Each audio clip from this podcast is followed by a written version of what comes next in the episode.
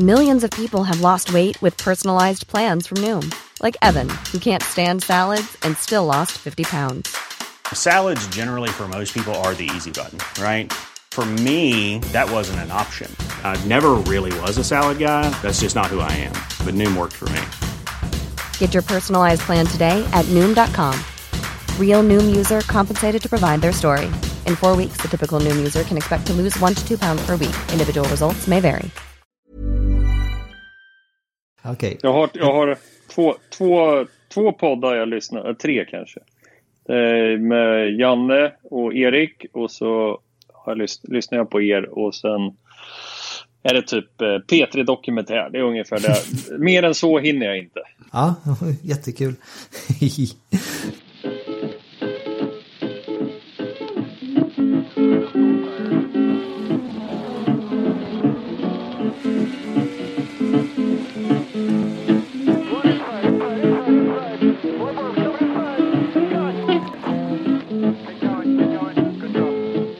I wanna know where my easy rider gone. Said I wanna know where my easy rider gone. She's an easy rider, do ride all so long. Hej och välkomna ska ni vara till Indiepodden avsnitt 30. Jag heter Ronny. Jag heter Jakob. Vi ska snacka ner helgens doubleheader på Iowas kortoval där Team Penske studsade tillbaka med en dubbelseger. Simon Pagenaud körde upp sig från sista startruta till överst på pallen i race 1 och Joseph Newgarden blev historisk när han tog sin bil till seger från pole i race 2. Och varför var det då historiskt Jakob? Eftersom det var första gången någon vann på Iowa speedway från pole position. På 15 lopp tog det innan någon lyckades med den bedriften. Och dessutom ska vi prata lite Formula, Formula Regional Americas där Linus Lundqvist har varit i vinnartagen igen och så Rasmus Lind har ju fått chansen att visa vad han går för i IMSAs prototypklass i helgen då. Men innan vi fortsätter så vill vi presentera veckans gästpoddare. Han är expertkommentator för V-sport Motor. Han har vunnit fler race och titlar i Swedish Touring Car Championship än någon annan. Han har också genomfört inte mindre än åtta stycken 24 timmars lopp. Han kan Northlife bättre än jag kan mina barns personnummer, som jag brukar säga. Och är sedan 2018 ägare till klassiska Gelleråsen Arena. Välkommen till Indiepodden Rickard Göransson! Tack grabbar! Hur är läget? Ja men det är bra. Det är... Eh, den här veckan saknar jag två hjul i mitt liv. För vi på Gelleråsen håller vi på med motorcykel den här veckan. Så att, eh, det är lite ny värld man ska kasta sig in i. Men annars är det bra. Eh, jag fick ju tyvärr inte kommentera i helgen, men jag är lite glad för det var ju som ni vet mitt i natten. Så Mattias Andersson fick rycka ut, ut och, och köra lite expertkommentering. Din gamla konkurrent, inte bara på racerbanan alltså, utan i, utan i studion också. Ja, men precis. ja, men det tycker jag är kul. Mattias och jag, vi körde faktiskt ihop första gången 2003. Min första säsong jag körde i STCC. Eh, då fick jag lära känna Mattias för min före detta då teamchef Dick Jonsson Wigroth på West Coast Racing kastade ihop oss i samma hotellrum nere i Italien. Eh, Dick hade köpt två bilar ifrån Roberto Ravaglia, den legendaren. Eh, eh, såna här STC, ja, de hade gått i VTCC, eller ETCC heter det då till och med. Mm. Och vi skulle ner och testa. Så att vi blev kamperade i samma rum och sen den dagen så konstigt nog, men är det någon förare som jag har pratat med efter alla STCC-lopp jag har kört så är det Mattias. Oavsett vilket team jag har kört. Så vi har alltid haft så här liten telefontid i bilen på väg hem från banorna. så att det är lite kul faktiskt. Ja, roligt. Det kan ja. gå lite vilt till, alltså just i standard eh, och så, men har ni, har ni lyckats hålla er på god fot med varandra i alla år eller har det varit några speciella duster ni också har haft? Det har man ja, alltid haft vi, i och för sig. Vi, vi, har nog kört på, vi har nog kört på varandra många gånger, fast eh, vi har alltid blivit kompisar efteråt. Ja. Men jag tycker det är fantastiskt roligt eh, det här med när du tog över, eller tog över, köpte Gelleråsen för ja, 2018 då. Eh, det händer ju otroligt mycket där. Nu vill du berätta lite, om, lite mer om verksamheten där. Jag har bland annat haft en av mina bästa dagar i livet där när jag hade en sån här motordag när jag fick prova Formel Renault. Det eh, kommer jag leva på länge och kommer definitivt, definitivt komma tillbaka också.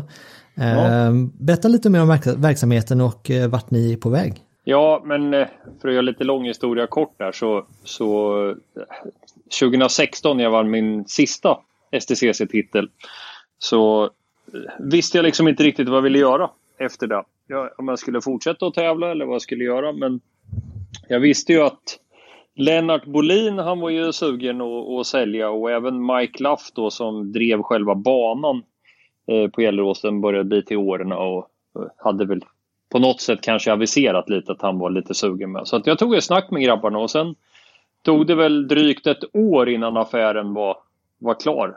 Uh, och jag visste inte riktigt vad jag skulle kasta mig in i. Men det var väl egentligen det som var min plan att, att uh, lösa ut de här två ägarfamiljerna som har drivit det de sista 26 åren. Och försöka få ihop Gelleråsen till en helhet. Ett, ett, ett bolag med en tydlig, tydlig avsändare. Så att, uh, jag tog hjälp av min gamla racingkollega också, Robin Rudholm, som hjälpte mig att skapa den grafiska profilen för hela Gelleråsen. Och sen eh, har vi dragit igång så att eh, ja, nu vi pysslar med allt. Jag vet det är lite så här som Sällskapsresan, SOS som ni har sett den. Det brukar alla ha sett. Eh, han står ute på, på eh, någon ö där, en kille och han har mjukglassförsäljning och han lagar båtmotorer och eh, han driver väl något tivoli eller vad det är för någonting. Och, ja, det är allt möjligt.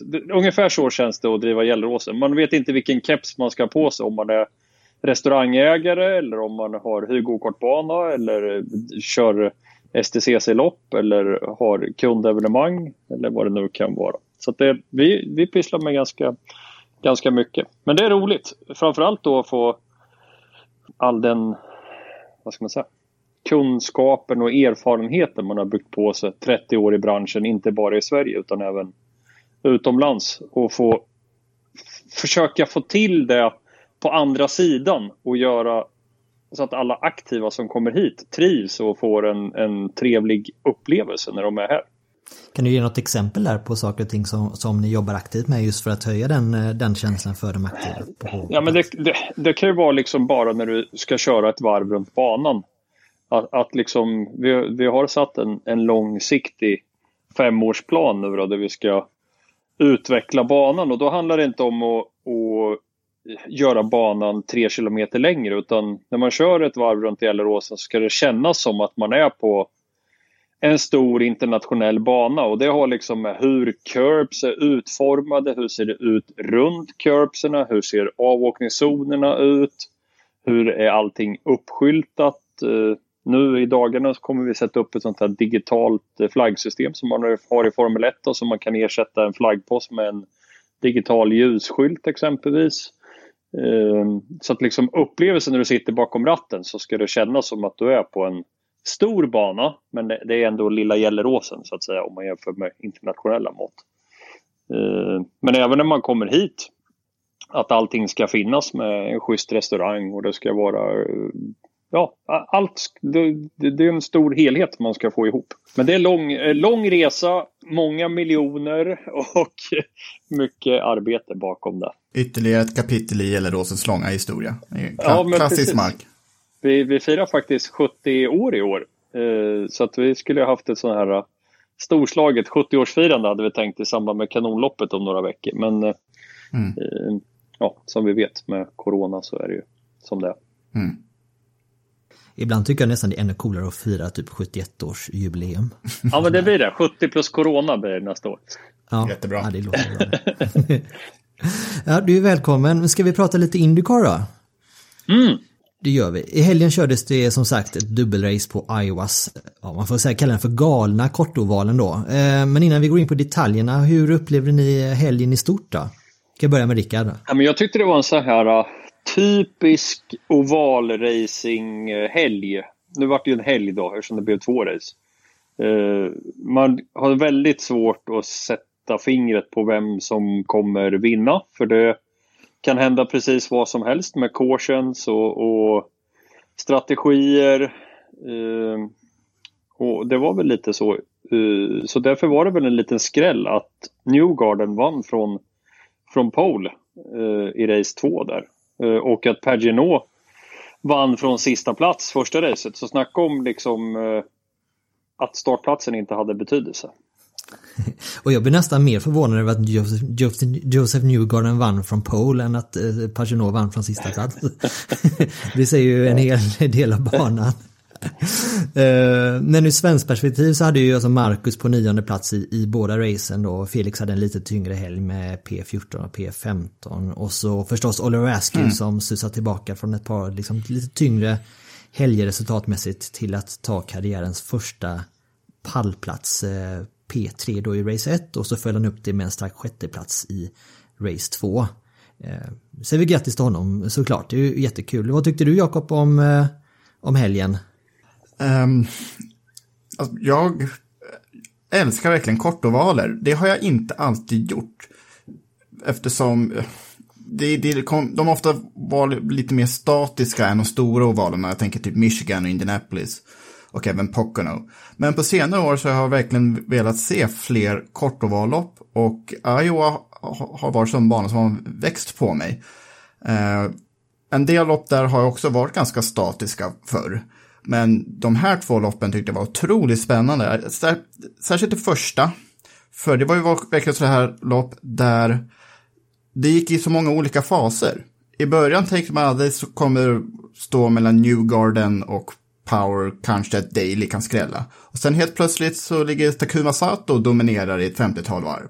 Och sen så blir det gulflaggor, det ser ut att vara eh, McLaren, Schmidt Peterson, bilarna som verkar starka. Så helt plötsligt är Simon Paginot och Scott Dixon där uppe. Och så när Scott Dixon kommer upp jämsides med Paginot tänker man, ja ah, men nu, nu är det avgjort.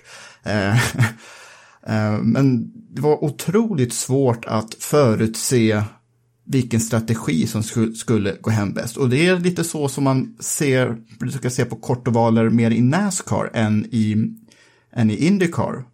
Eh, med väldigt oförutsägbart däckslitage. Så det var mycket, många hjärtat i halsgropen ögonblick över de här två loppen. Någonting jag reagerade på väldigt mycket också eh, var ju faktiskt, och det var ju någonting som även Janne och Mattias pratade om i, eh, under sändningarna, det är att hur hur många misstag depå har varit i, i depån. Eh, och det har nästan varit så pågått under hela säsongen. Vad, vad tror du Rickard det kan bero på? För man kan inte skylla allting på corona och lite bristfälliga upp, eh, alltså bristfällig uppladdning i form av tester och sådana här saker. För, men det, det är ju, tar vi en sån som Pat Award till exempel som gjorde ännu en sjukt stark, stark helg nu. Han, både hans resultat i race 1 och race 2 påverkades ju av just problem i, i depån. Jag är ju förvånad att det är så mycket strul i depån som det är. Och det är ju allt ifrån att förarna stålar när de ska åka iväg eller att de håller på och fipplar med det var det väl Will Power när han tappade däcket där i första racet att det är någon som sitter med mutterknacken samtidigt som man med andra handen ska försöka justera vingen och Alltså jag, jag vet inte riktigt vad jag ska säga. Jag är bara allmänt förvånad att, att det är så mycket små, små slarv. Det, ibland kan det upplevas som att de, det är första gången de ska göra ett depåstopp eh, vissa tider. Men att justera, uh, som han gjorde där, justerade då vänster fram, eh, alltså skruva på vänster fram samtidigt som han försökte skruva, jag har aldrig sett det liknande tidigare, försöker skruva uh, vinginställningen då, men det måste ju varit ett så här klassisk hjärnsläpp bara att han blev stressad över att, jag har aldrig sett det förut. Nej, antingen så gör de det utan att man tänker på det. Men, men det var, hade, det, hade han gjort det och, och det hade inte, däcket inte hade lag så var det ju en, en schysst manöver i alla fall. Mm. Eh, men, men, men eh, ja, sen hade vi en sån kille som Ryan Hunter Ray som han eh, förstörde det på väg ut ur depån istället två gånger om. Eh, vilket också är, är lite sådär av en rutinerad förare som strular till det. Hunter Ray som sen han vann där senast har ju haft lite formsvacka. Det var ju länge sedan han vann ett lopp överhuvudtaget nu, så han kanske sitter lite lös hos Andretti. Men det var ju, han, han sa ju också att det var av två olika anledningar som han gjorde typ exakt samma miss. I första loppet var det för att han gasade för mycket på ettan. Och i andra loppet så var det tapp, tappade han bilen precis när han växlade till tvåan. Så Alltså, det är ingen som är immun mot någonting i depån den här säsongen. För även Scott Dixon hade ju problem på Road America och Newgarden hade problem där och alla har haft problem. Så det kanske jämnar ut sig över hela säsongen, men jag är också väldigt förvånad över hur det har sett ut hittills. någonting som eh, var väldigt tydligt under första racet var just att där var det mycket mer sett till depåstrategi så till exempel Felix satsade ju uppenbart på att försöka långstinta sig till ett till färre depåstopp helt enkelt. Men det, det, det, blev ju en missräkning och jag tror att det var många som lärde av det och satsade på kortare stintar under andra racet. Eh, undrar vad, eh, samtidigt hade ju banan ändrat lite karaktär inför race 2 i och med att det var Nascar hade ju haft någon serie som körde också så att det var ju betydligt bättre fäste och mycket bättre grepp i banan. Det var ju ja, fler omkörningar i ytterfil till exempel i race 2 och sådär men det, det, vad, var, vad blev egentligen det vinnande receptet den här helgen? Var det tur med korsen eller var det var det någon som hade en överlägset bättre strategi och var mer anpassningsbar? Vad tror du Rickard? Ja, men det kändes ju som de som kunde vara starka i omkörningar tycker jag var de som kom väldigt bra till. Alltså som, som hade, tar vi som Pagino i första racet, han var ju sjukt stark och tog sig förbi bilar och hamnade i, han skapade sig fri luft väldigt mycket. För det märktes ju tydligt, hamnar man bakom en bil som var en sekund långsammare eller ibland kanske nästan upp till två sekunder långsammare än en själv, men man kom inte förbi. Eh, då tappade man ju otroligt mycket, eller de förarna tappade ju otroligt mycket tid. Eh, det kunde man ju se i, i, i race 2 exempelvis när det var dags för första depåstoppet och Marcus hamnade i fri fri luft, eh, vad det nu var, 6-7 varv och han klättrar från tionde till femte bara i ett svep egentligen. Mm. Eh, så, så, att det, det, det kändes som det att hitta, hitta fri, fri, mycket fri luft. Eh, och, och då, därmed kunna vara liksom stark i omkörningarna. Mm, för det var olika bilar som var olika snabba. Liksom Daly hade väl snabbaste varv i andra loppet, men han fastnade i trafik medan mm. Penske-bilarna inte gjorde det. Ja, Penske-bilarna kändes ju som, de, de kunde ju ta sig förbi eh, och, och kunde... Jag fick en känsla av att de, de kunde liksom gå lägre i utgången ibland i kurvorna och få, eh, alltså få bra driv eh, ändå, fast de gick lite tajtare linje. Eh, kvalet, alltså om man backar lite bara till, till kvalet så, eller, ja, för det var ju kval, det var ju väldigt speciellt den här helgen också där man alltså satte första kval, flygande varvet var ju, blev ju din kvaltid till race 1 och så andra blev ju kvaltiden eh, till race, race 2.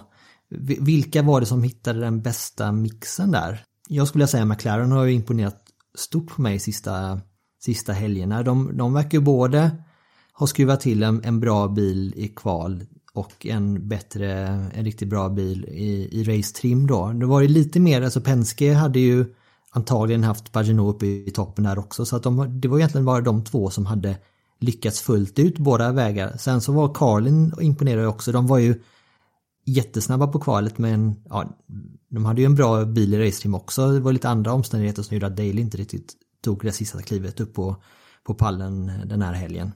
Men hur, vad säger vi om Chip Ganassi då som uppenbarligen inte hade den typen av eh, mångsidig bil den här helgen? Ja, jag har kollat i lite olika resultatlistor från senaste tio åren och se om det finns någon trend om eh, Dixon eller Ganassi-stallet har, eller som är överlag sämre på ovaler än på road courses. Och svaret är då nej, inte riktigt. De har två svaga banor liksom över hela säsongen. Och det är Indianapolis faktiskt. Där har inte Ganassi vunnit sedan 2008. Och just Iowa. Senaste gången en Ganassi-bil vann på Iowa, det var med Dario Franchitti år 2009.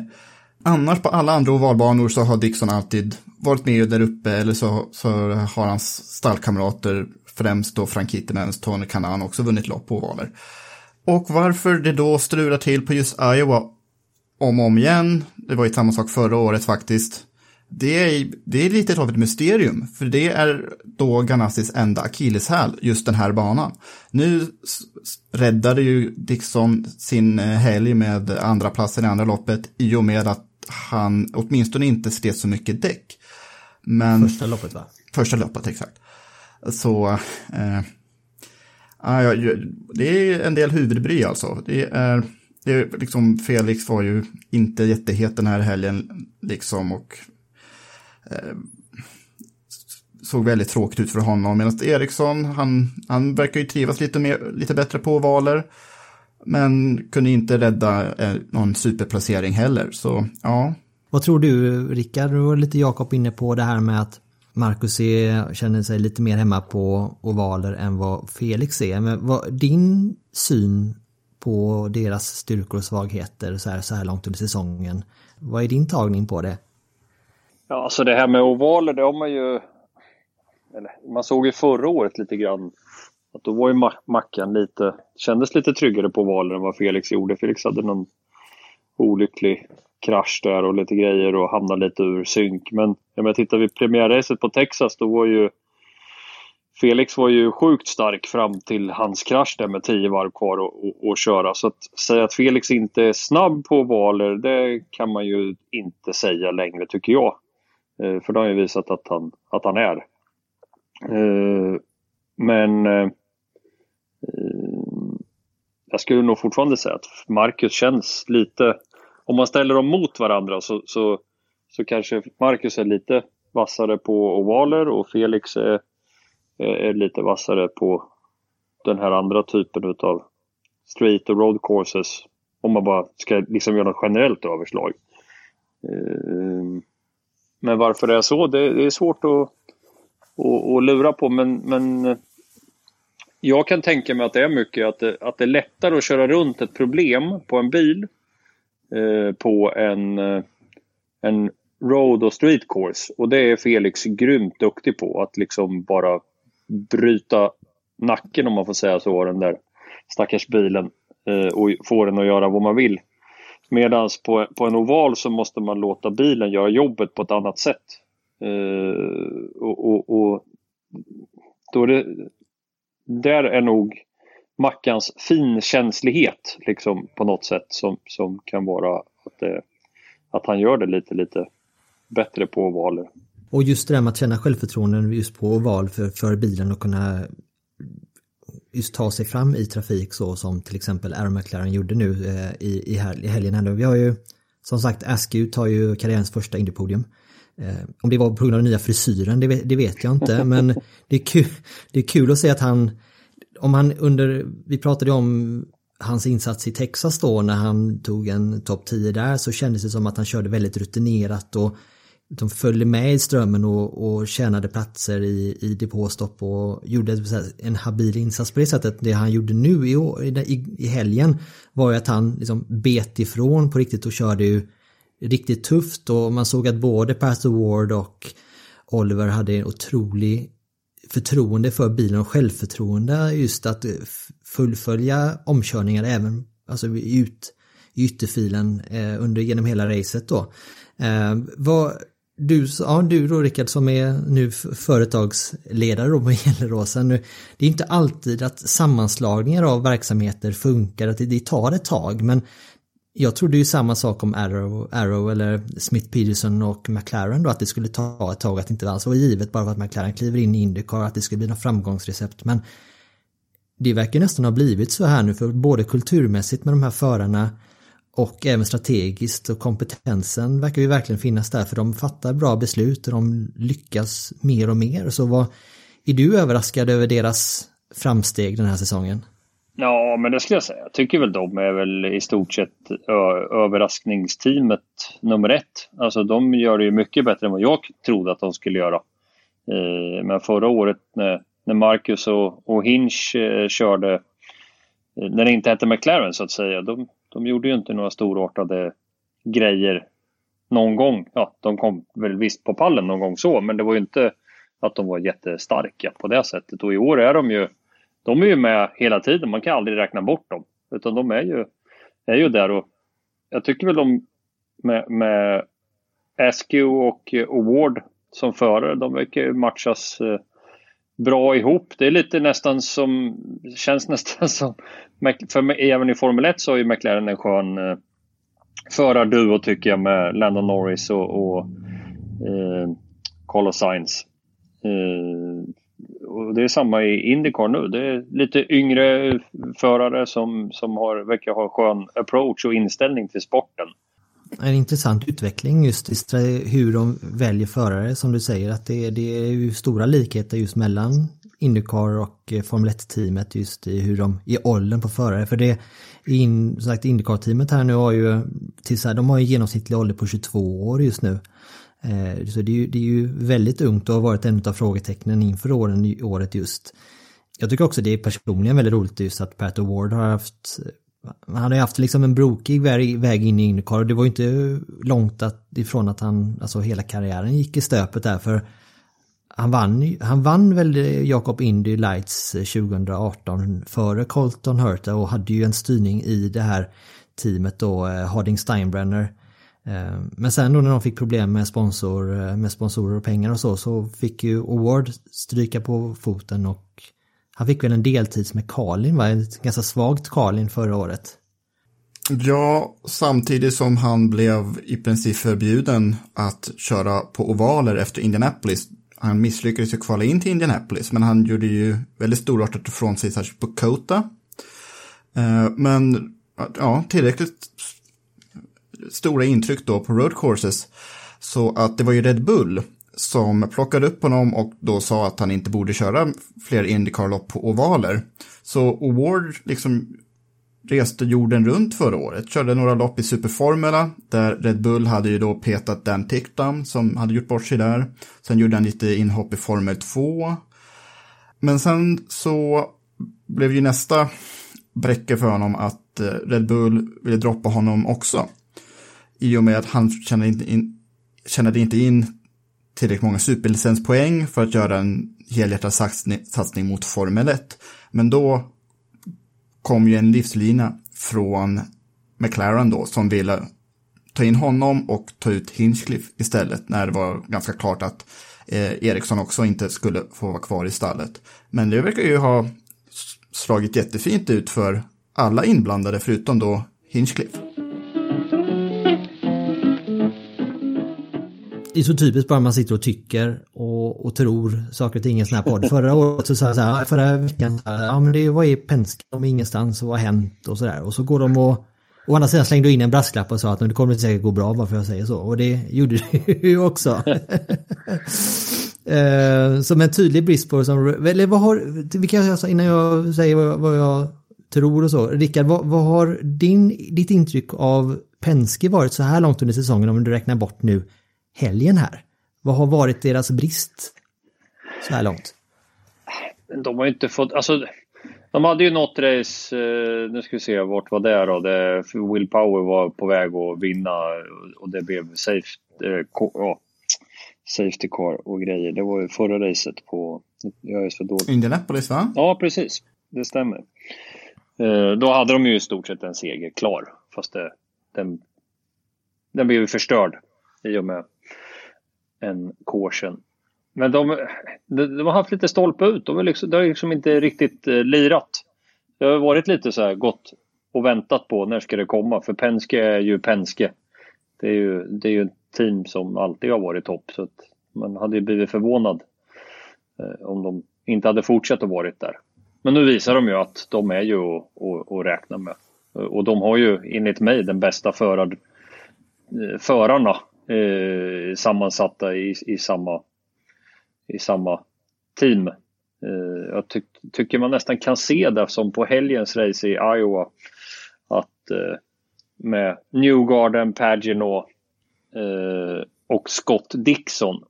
Eh, de tre tycker jag alltid på något sätt lyckas vingla till det och, och är alltid med när det väl gäller och gör sällan jättetokiga grejer.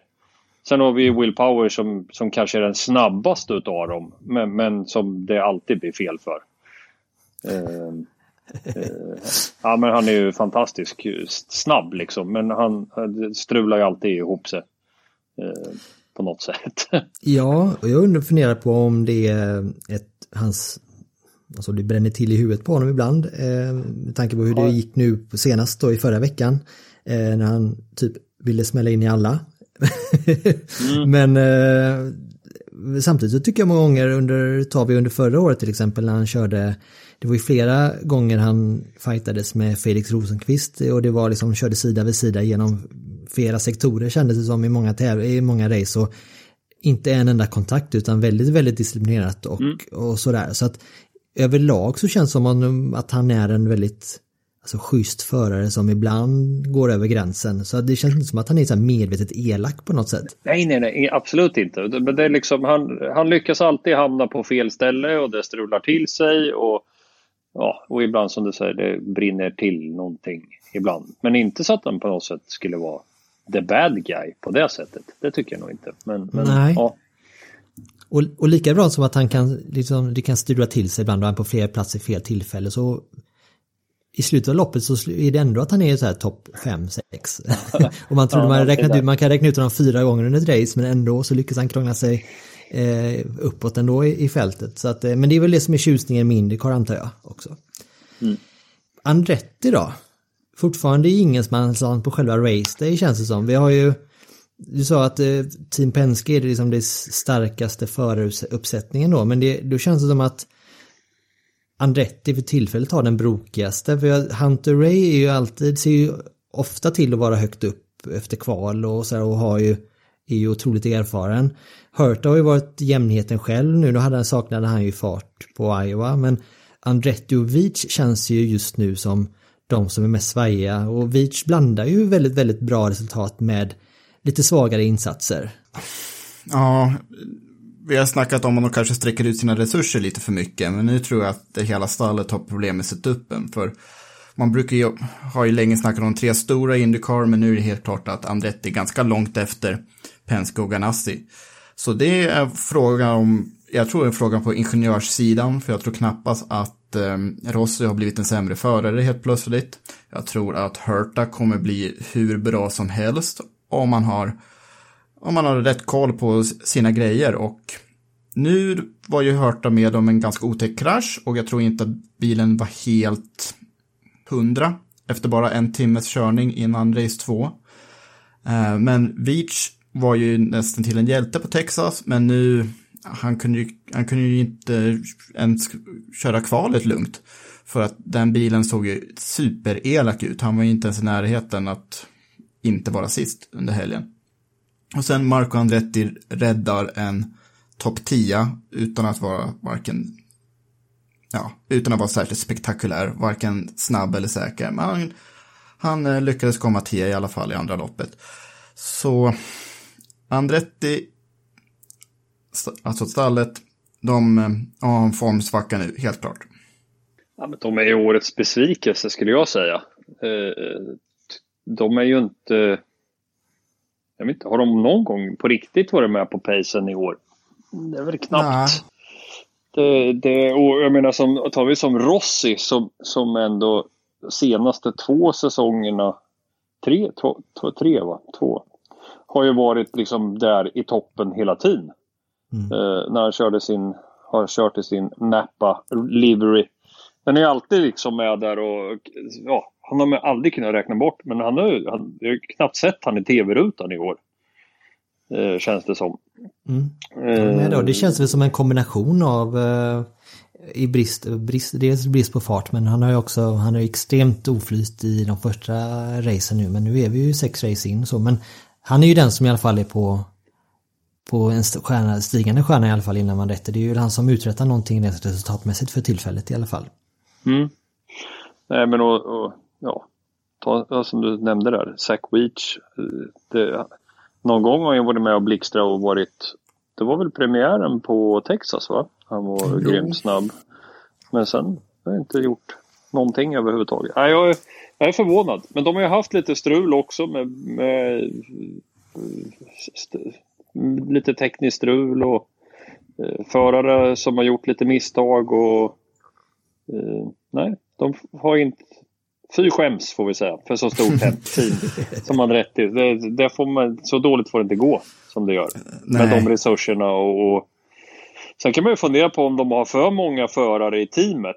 Eh, att det blir för stort så att man liksom inte klarar av att hantera det. Och det är ju inte bara att de kör eh, Indycar. De, de har ju andra klasser de håller på och tävlar i mm. i också. Och att det, att det är något där i organisationen som helt har brustit och det är ingenting som jag vet någonting om så. Men man kan nästan ana att det är något organisatoriskt som inte lirar. Att det kanske har bytts ut lite folk och sådär i, i, mm.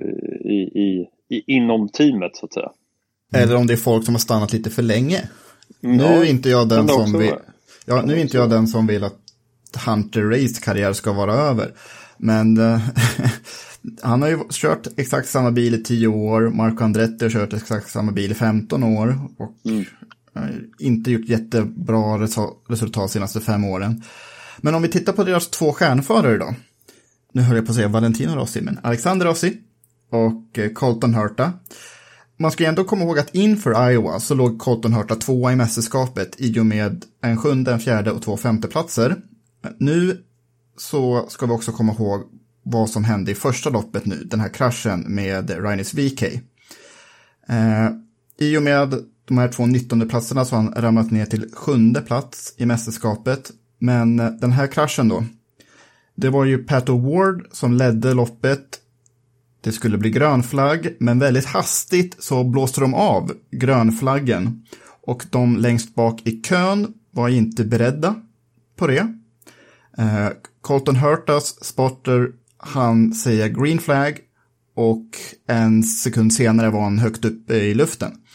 Eh, det, jag, jag, det känns som en väldigt, väldigt farlig situation och ganska klumpigt av Indycar att slänga ut gulflaggen sådär hastigt igen när det faktiskt inte var någon reell far, fara på banan. Eh, Rickard, du som har erfarenhet av oss tre, eh, av att köra racerbil väldigt, väldigt fort. Hur, hur ska man bete sig vid omstarter? Ska man försöka ja, tjuvstarta li lite men på ett lagligt sätt? Eller är det för farligt? Tjuvstarta lite på ett lagligt sätt? ja, men du Nej, förstår. Men det, det, det, det, man absolut aldrig får göra, det är ju att sänka farten. Eh, mm. för då, då, blir det ju kaos längre bak. Det, är ju, det, alltså det vet vi alla som har åkt på motorväg eller man har varit på autobahn eller vart det nu kan vara och det blir de här äh, dragspelseffekten. Liksom. Det går ju, det blir ju... Ibland kommer man fram och undrar varför står trafiken still här nu för? Mm. Uh, ja, och så var det ingenting. Uh, ja, men det är bara för att det, det blir den här uh, dragspelseffekten. Och, och på racerbanan om de absolut längst fram helt plötsligt sakta ökar farten och sen släpper av. Då hinner man ju inte med om du är 10-15 bilar längre bak. Eh, och så blev det ju här i helgen. Eh, jag menar det, det som Hörta gjorde där, han hade ju inte en chans att reagera på det som hände. Nej, det var ju, ehm, du var lite inne på det innan Jakob. Ehm, en, en slutsats, en reflektion som både alltså Mattias och Janne gjorde som kommentatorer nu i helgen, det var ju eh, att eh, de, de la ju de tyckte att det antagligen var spot, eh, Hurtas Spotters fel, men gick, går det inte väldigt, väldigt fort i det där, i det där skedet, eh, vad du är inne på Jakob, och så att man kan inte klandra spotten för det heller, utan det är ju ett ögonblicksverk det här. Vad, vad tycker du, Rickard?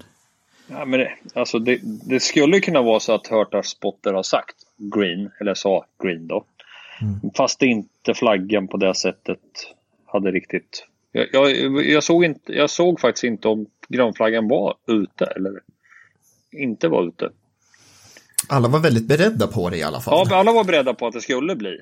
Eh, så, så var det nu så att grönflaggan aldrig hängdes ut eh, och han sa green, då, då är det väl kanske hans spotter som har gjort det fel då. Men eh, för skulle jag ha hört green då hade man ju bara dragit.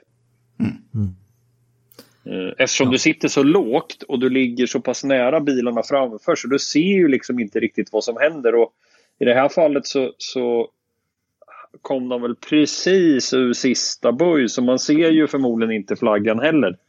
Utan man måste få den där integrationen på, på radion av sin spotter för att vara med så att man inte tappar eh, fem billängder Eh, utan liksom vara med när tåget går. För det finns ju ändå, i en sån där omstart finns det ju liksom platser att tjäna. Eh, gör du en sån där omstart riktigt bra så kan du ju svepa förbi två, tre stycken på yttern i, i första två kurvorna. Mm. Så omstarten är ju viktig. Och därför, alltså så är det väl, man chansar ju nästan lite Eh, ibland, lite dumdristigt. Speciellt om du har hamnat i ett lite trångt läge i, i ditt eget race så att du måste vinna tillbaka lite tid. Eh, då kanske man tar lite större risk också.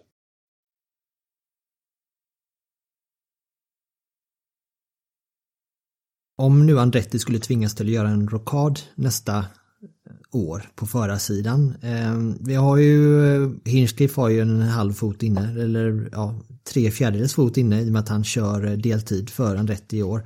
Om eh, en sån som Connor Daly fortsätter att leverera så som han gjort hittills här nu så borde inte det vara en naturlig plats för honom egentligen att vara den som skulle kunna ta ett naturligt kliv in i Andretti. Eller åtminstone kunna få en heltidare någonstans. Och det låter nu väldigt mycket, det är bara för att jalusin går ner här. Så, nu slutar den gå ner. Ja, jag vet ni det också.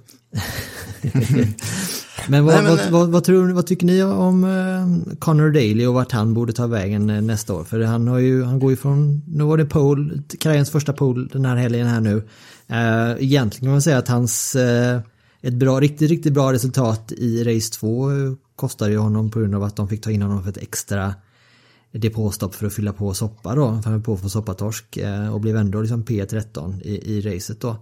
Ska han vara, skulle en sån passa bättre i Andretti eller skulle man satsa på en heltid i Karlin till exempel eller ska han ta över en heltid i Ed Carpenter efter? Faktiskt kanske Ed Carpenter borde lägga igenom på hyllan inom åtminstone ett par år i alla fall. Carlin verkar ju ha ryckt upp sig ganska, ganska bra jämfört med förra året. Förra året gjorde de totalfiasko på Indianapolis och det fick ju Fernando Alonso också bita för. Ehm, så jag tror att ifall Carlin får ihop ekonomin och kan verkligen satsa på en och samma förare under hela året. Då, då tror jag att uh, Daly kan verkligen blomma ut där. För, för han, har haft, han har tagit mer poäng på de här två ovalloppen i Carlin-bilen än vad han gjort på roadcourse-loppen med, eh, med Carpenter. Då. Mm. Så att Carlin verkar vara det starkare stallet än Carpenter just nu. Ja, men jag tycker han är lite svår förare sådär. Jag har inte riktigt eh, greppat han om jag ska vara ärlig. Eh, han är ju jäkligt snabb ibland och, och, och, gör ju riktigt bra insatser. Han känns inte som det där uh, mästerskapsvinnande uh, framtidsmaterialet så. Men som en uh, ja, stabil, bra förare liksom. Jag funderar om det kan bero på att han är väldigt, alltså han har ju en väldigt så här, han är väldigt likable som, som person, karaktären ja, ja, Conor Daly. Och jag tror att det kanske är därför många gillar honom och vill ha med honom. så sen har han inte haft så lätt i och med att han fått hoppa runt i så många olika team så man får ju aldrig, aldrig gett honom en ärlig chans att blomma ut heller så. Men det är, det är kanske som du säger att man, han är eventuellt lite överskattad eh, just för att han är väldigt, väldigt sympatisk. Han är ju cool. Det finns nog ingen som har bredare nacke än vad han har i alla fall. ja, han har en riktig tjurnacke. Ja. och, eh, så, som, så som förarna såg ut på eh, 80-talet. På hans, pappas, på hans pappas tid, Derek Daly som då körde en del Indycar och massa andra racerbilar, Formel 1 och sportvagn och så. Så det är en racerbilsfamilj och han är väldigt passionerad. Så det vore kul att se honom på heltid, men för att få en till mäster, alltså mästerskapskandidat, ja, det, det är en lång väg dit, men mycket, mycket kan ju hända i Indycar och eh, det har ju hänt konstigare saker. Ska vi eh, sätta en, alltså, utse en stjärna var den här helgen och det kan ju vara en förare, det kan vara ett team, det kan vara som jag sa till Gerge förra veckan, det kan vara en flaggman också. Nu kanske inte flaggmannen som eventuellt flaggade grönt och sen avflaggade får stjärnan den här helgen då. Men eh, ska vi, eh, om Rickard kan få börja då. Vem har stått ut extra den här helgen? Ja, men jag säger nog faktiskt eh, eh, McLaren-teamet. Jag tyck, tyckte de gjorde det fantastiskt bra. Sådär lite, oj, vad hände här? Feeling. Och med Askews tredje plats där också. Jag tyckte det var jäkligt roligt. På sättet som eh, Oliver körde också den, den, den bestämdhet han visade upp här i helgen. Det var, det, jag tycker det, det säger en hel del om kvaliteterna han har och jag tror vi kommer få se mer av den varan framöver här nu när självförtroendet och eh, tuppkammen växer på, på hela teamet. Så, så att, eh, ja. Det var första gången som han kört riktigt aggressivt i Indycar hittills också. Och det är kul för efter Indianapolis så snackade jag om att det här stallet kanske hade lite problem med att hitta setupen i och med att Askew kraschade på exakt samma sätt som Eriksson hade gjort i exakt samma kurva ett år tidigare. Men nu verkar de verkligen ha hittat rätt i och med de här väldigt fina loppen de två senaste veckorna. Får jag lov att utse en stjärna då? Det är klart. Men då upprepar jag om mig själv att Carlin har ju verkligen ryckt upp sig. Eh, jag vill se mer av Connor Daly i den bilen, för jag tror ändå att Connor Daly är bättre förare än Max Chilton överlag. Men Max Chilton kommer vara tillbaka i den på Mid-Ohio om några veckor. I alla fall, det är kul med ett någorlunda nytt stall i Indycar som verkar befästa sig. Eh, de verkar få ny många nya fans. Eh, de har satsat på Indycar helhjärtat efter att ha gjort allting i juniorserier i Europa tidigare. Så ja, kul att det verkligen börjar se ljust ut för Carlin. Ja, men då, då, jag fortsätter på samma tema då, så säger jag eh, Penske säger jag i min stjärna då. Den här gången så utser vi inga eh, individuella förare den här gången, men det kanske är passande också för det var, det var Penske som team studsade tillbaka rejält här och det är ju som Rickard sa förut här att trots att man har tyckt att de har underpresterat och så här så har de ändå ja de kanske underpresterat jämfört med vad Penske brukar prestera. Nu har vi ju, vi har ju Paginot på andra plats och så har vi Newgarden på tredje plats i mästerskapet här nu då. De hade ju gått från att ha liksom en brist i race pace eh, i viss mån då på road courses till liksom de, de gick ju som raketer i trafik den här helgen och både strategiskt och fartmässigt så visade de ju otroliga framsteg och ta den så. Nu åkte, nu åkte min jalusin upp igen. så, solen, solen kommer och går.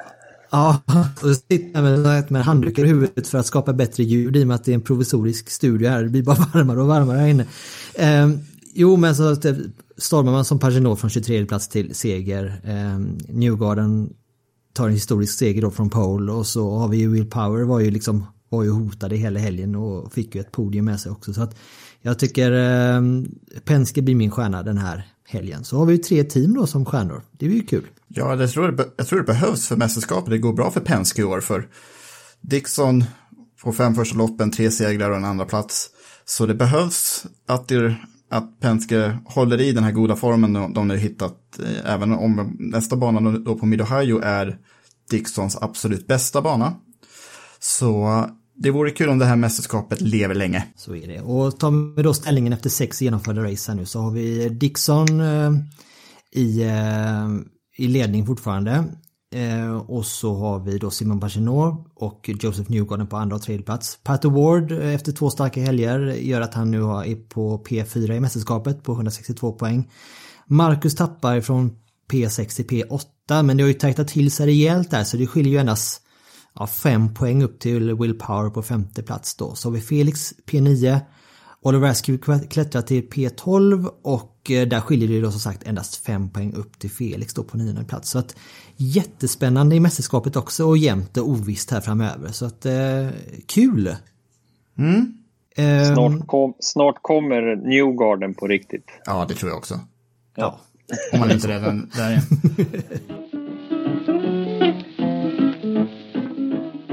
Ska vi lägga Iowa till eh, handlingarna då och eh, avslutningsvis prata om lite svensk framgångar i en lägre klass kan man väl säga. Det kan vi göra. Linus Lundqvist har alltså, körde ju nu helgen igen i eh, den här som heter Formula, Regional Americas då. Så han, han stormar ju mot en Indy Light-styrning 2021. Även om det är många race kvar, kvar nu. Man tog alltså tre vinster här nu på Virginia International Raceway här nu igen nu, vilket innebär att han har vunnit fem av fem möjliga race där. Eh, och har då kammat hem maximala 125 poäng. Vad, vad tycker du, vad säger du Rickard om den? Med tanke på de bristfälliga förberedelser han har haft och så bara gått in och dominerat så som han har gjort. Ja, men, eh, det, jag brukar säga en seger är ju en seger och det spelar ingen roll om man vinner i egentligen. Och, och, nu kan inte jag den här klassen, jag har väl inte lusläst på klassen och kan inte riktigt motståndet och sådär. Men det jag tycker är häftigt med just Linus där nu är ju att han, han har ju bestämt sig att han vill gå satsa på den här stegen i USA. Och så har han gjort en analys utav det. Och, och han, det är klart att han vill komma till Indycar. Och hur kommer man till Indycar? Ja men det, du måste ju Du kan inte bara komma från ingenstans till Indycar utan du måste ju gå någon form av stege. Och, och Linus eh, kommer ju själv från en familj som inte liksom Eh, bara tillverka, ha penningfabrik eh, i, i källaren utan får ju liksom kämpa eh, fram allting med sponsorer och, och, och lite investerare kanske och sådär. Men och har väl hittat den här vägen att kunna få tävla Indy Lights till ett förmånligt pris eller kanske till och med gratis. Eh, och sett den här serien Formula Regionals då som han satsar på. Eh, jag tror inte han själv visste riktigt hur lätt eller svårt eller hur det kommer bli. Men han har gjort det fantastiskt bra. Jag menar, vinner man fyra raka race nu så alla de bästa teamen in the lights kommer ju titta eh, och vet ju om Linus nu för de måste ju värva förare till, till nästa år. Och här är ju en kille som har budget då också eftersom den betalar styrningen. Så att eh, jag tycker det är skithäftigt. Han kommer ju med största sannolikhet kunna hamna i ett av de absolut bästa teamen i Indy Lights till nästa år. Och gör man det, då har man ju väldigt goda förutsättningar att vara i toppen i Indy Lights också om man har ett bra team. Så att eh, det här har vi nog liksom en eh, en, en väldigt rolig resa som svensk att få följa på distans hur det kommer gå för Linus. Och han har ju gjort det väldigt bra i det mesta han har tävlat i tidigare också. Mm. Eh, jag hade ju förmånen att ha Linus som, får man säga, teamkompis när jag körde STCC 2015 kanske det var. 14, 15, ja, där då körde han Formula Renault 1.6 eh, här i, i, Sverige med Team Tida. Eh, och samma team som jag körde för då. Eh, och märkte redan då att det var en ung, ung kille som, som ville, ville framåt och, och sådär. Så att, eh, eh och duktig. Om vi säger att det går jättebra för Linus då, och det går jättebra för Rasmus Lind, så de hittar vägen till Indycar. Och så är Felix och Marcus och Oliver där också. Hur långt är det då till vi har Indycar på Gelleråsen? Ingår det i den här femårsplanen du nämnde? Ja, ja precis. Inga problem. vi får väl köra en sån här crowdfunding då för att liksom göra sista snitsen på, på banan här så vi kan få hit Indycar. Men den skulle nog kunna gå i det här läget. Ja, jag hoppas det verkligen. Ja. vad, är, vad är hans styrkor tycker du Rickard som eh, som förare då? Du sa att han var väldigt duktig och lovande men ser man loppet här nu, eller i helgen, jag lyckades, jag hann bara se det sista racet där och det var väl kan man säga det som var det tuffaste av det och, och tro, han gjorde ju, även om det var väldigt, väldigt jämnt så, så gjorde han ju precis som han ville. Han hade den här extra verktygen i sin national hela tiden med sena inbromsningar. Väldigt, väldigt spektakulär körning tycker jag. Äh, men jag uppfattar han lite som att han eh, eh tar chanserna när de dyker upp. Eh, sådär. Han är ganska orädd men ändå smart i sin körning. Eh, och, och, och, tar ingenting för givet utan han liksom kämpar. Som person, alltså kämpar ju innerligt. Och han vill det här så otroligt gärna. Eller så mycket. Eh, så, så, han, han eh, det är liksom inget som bara blir serverat utan han, han, han tar det verkligen. Och, och motorsport är ju det är mycket skalle.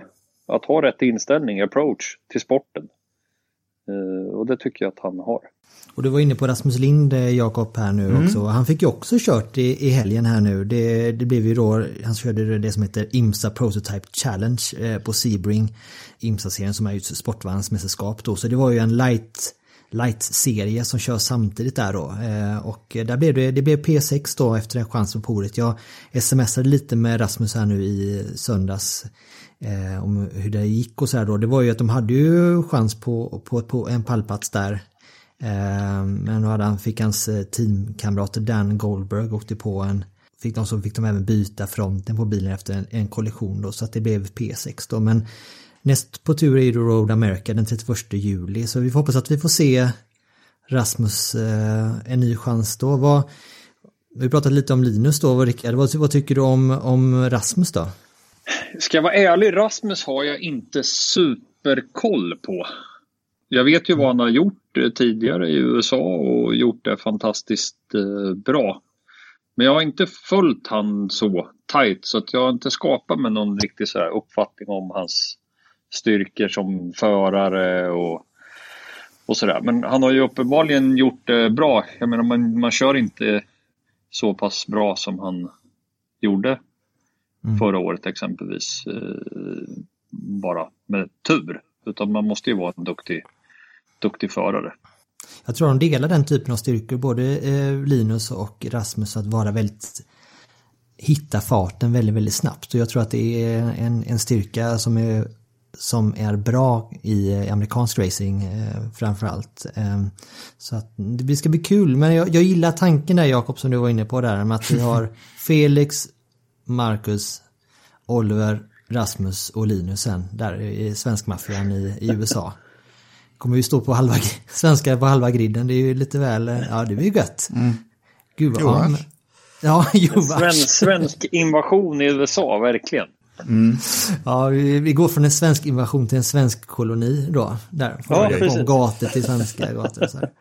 De gjorde ju faktiskt det under Indianapolis uh, Indy 500 förra året. Jag vet inte om de gör det varje år, men jag var där. De har döpt om gatorna i centrala Indianapolis till typ så här Ericsson Street och, mm. och det, tänk på det i, eh, på, eh, hemma i, runt i Gelleråsen där, att döpa om alla gator och stigar sen till... Mm. Vill, du ha, vill du ha en gata då eller? Indiepodden Boulevard hade väl inte varit fel? Ja. Eller Indiepodden, Indiepodden Alley. Det kan ju ja. vara det mellan in på själva Indiepågatan där. Det, det får det gärna göra.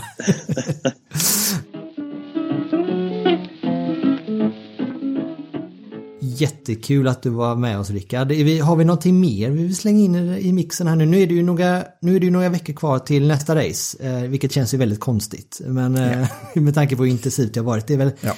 tre veckor kvar ungefär till nästa race. Eh, när får vi höra dig i eten Rickard eller i, i tv? Ja, det blir, nästa, det blir nästa race. Det är 9 augusti. Jag har faktiskt födelsedag den 8 så att jag får hålla igen lite på firandet där. Så ska jag upp eh, till Stockholm och, och kommentera. Men eh, det här att kommentera är ju helt nytt för mig. Eh, och det är ju det är lättare sagt än gjort. Alltså. Det är ju sjukt svårt att sitta där på, på andra sidan eller ja, med mikrofon i, i, i vid munnen och, och försöka göra de här sändningarna som inte är superbra emellanåt från NBC. Mm. Så det, det, är en, det är en utmaning att göra dem, men det är ju sjukt roligt. Eh, framförallt nu när vi har två svenskar också som är med och tävlar. Mm. Och det är ju, känns som det är ganska bra Indycar-intresse har blivit i, i, i Sverige. Eh, så att det, och, och, jag själv har ju följt eh, We 8 Supercars i Australien ganska slaviskt i många år och det är jag glad för. för att den typen av racing är ju väldigt lik den amerikanska racingen. Med lite vad man kan tycka som europe, lite konstiga regler och ibland känns det lite orättvist att någon ledde racet och så var det en caution och så fick man inte vara med och tävla om segern. Och...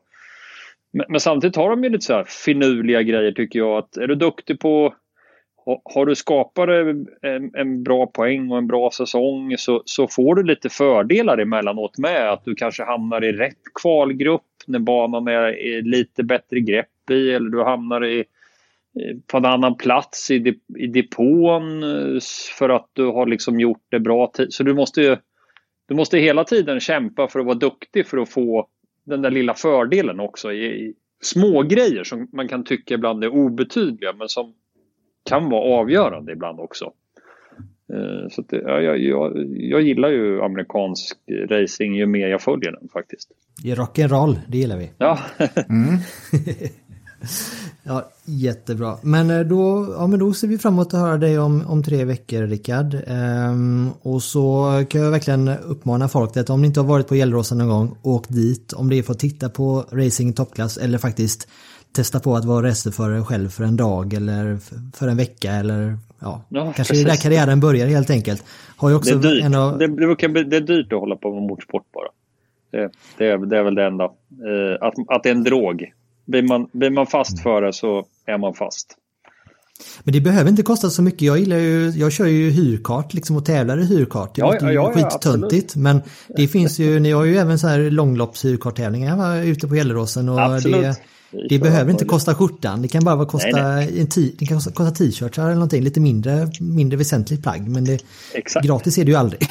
Nej. men eh, men eh, Ja, ja.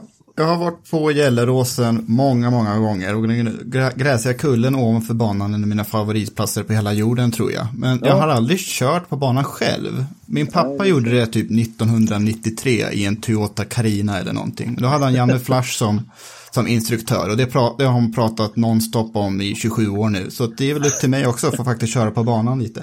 Ja, precis. Det får vi ordna någon gång. Ja, tack. låter bra. tack så mycket Rickard. ehm, Och tack till er lyssnare också. Fortsätt att skicka in frågor och följ oss via sociala medier. Vi jobbar på det att bli ännu mer eh, nyhetsrapporteringar där ska bli ännu vassare. Så att eh, följ oss där, ställ frågor och ta hand om er så ses vi. Vi hörs om en vecka igen helt enkelt. Det gör vi. Eh, ha det bra, hej! Ha det bra. Hej, hej. Said I wanna know where my easy rider gone. Wanna know where my easy rider gone. She's an easy rider, but she do ride hard so long. Planning for your next trip? Elevate your travel style with Quince. Quince has all the jet setting essentials you'll want for your next getaway, like European linen, premium luggage options, buttery soft Italian leather bags, and so much more. And it's all priced at 50 to 80% less than similar brands. Plus, Quince only works with factories that use safe and ethical manufacturing practices. Pack your bags with high-quality essentials you'll be wearing for vacations to come with Quince. Go to quince.com slash trip for free shipping and 365-day returns.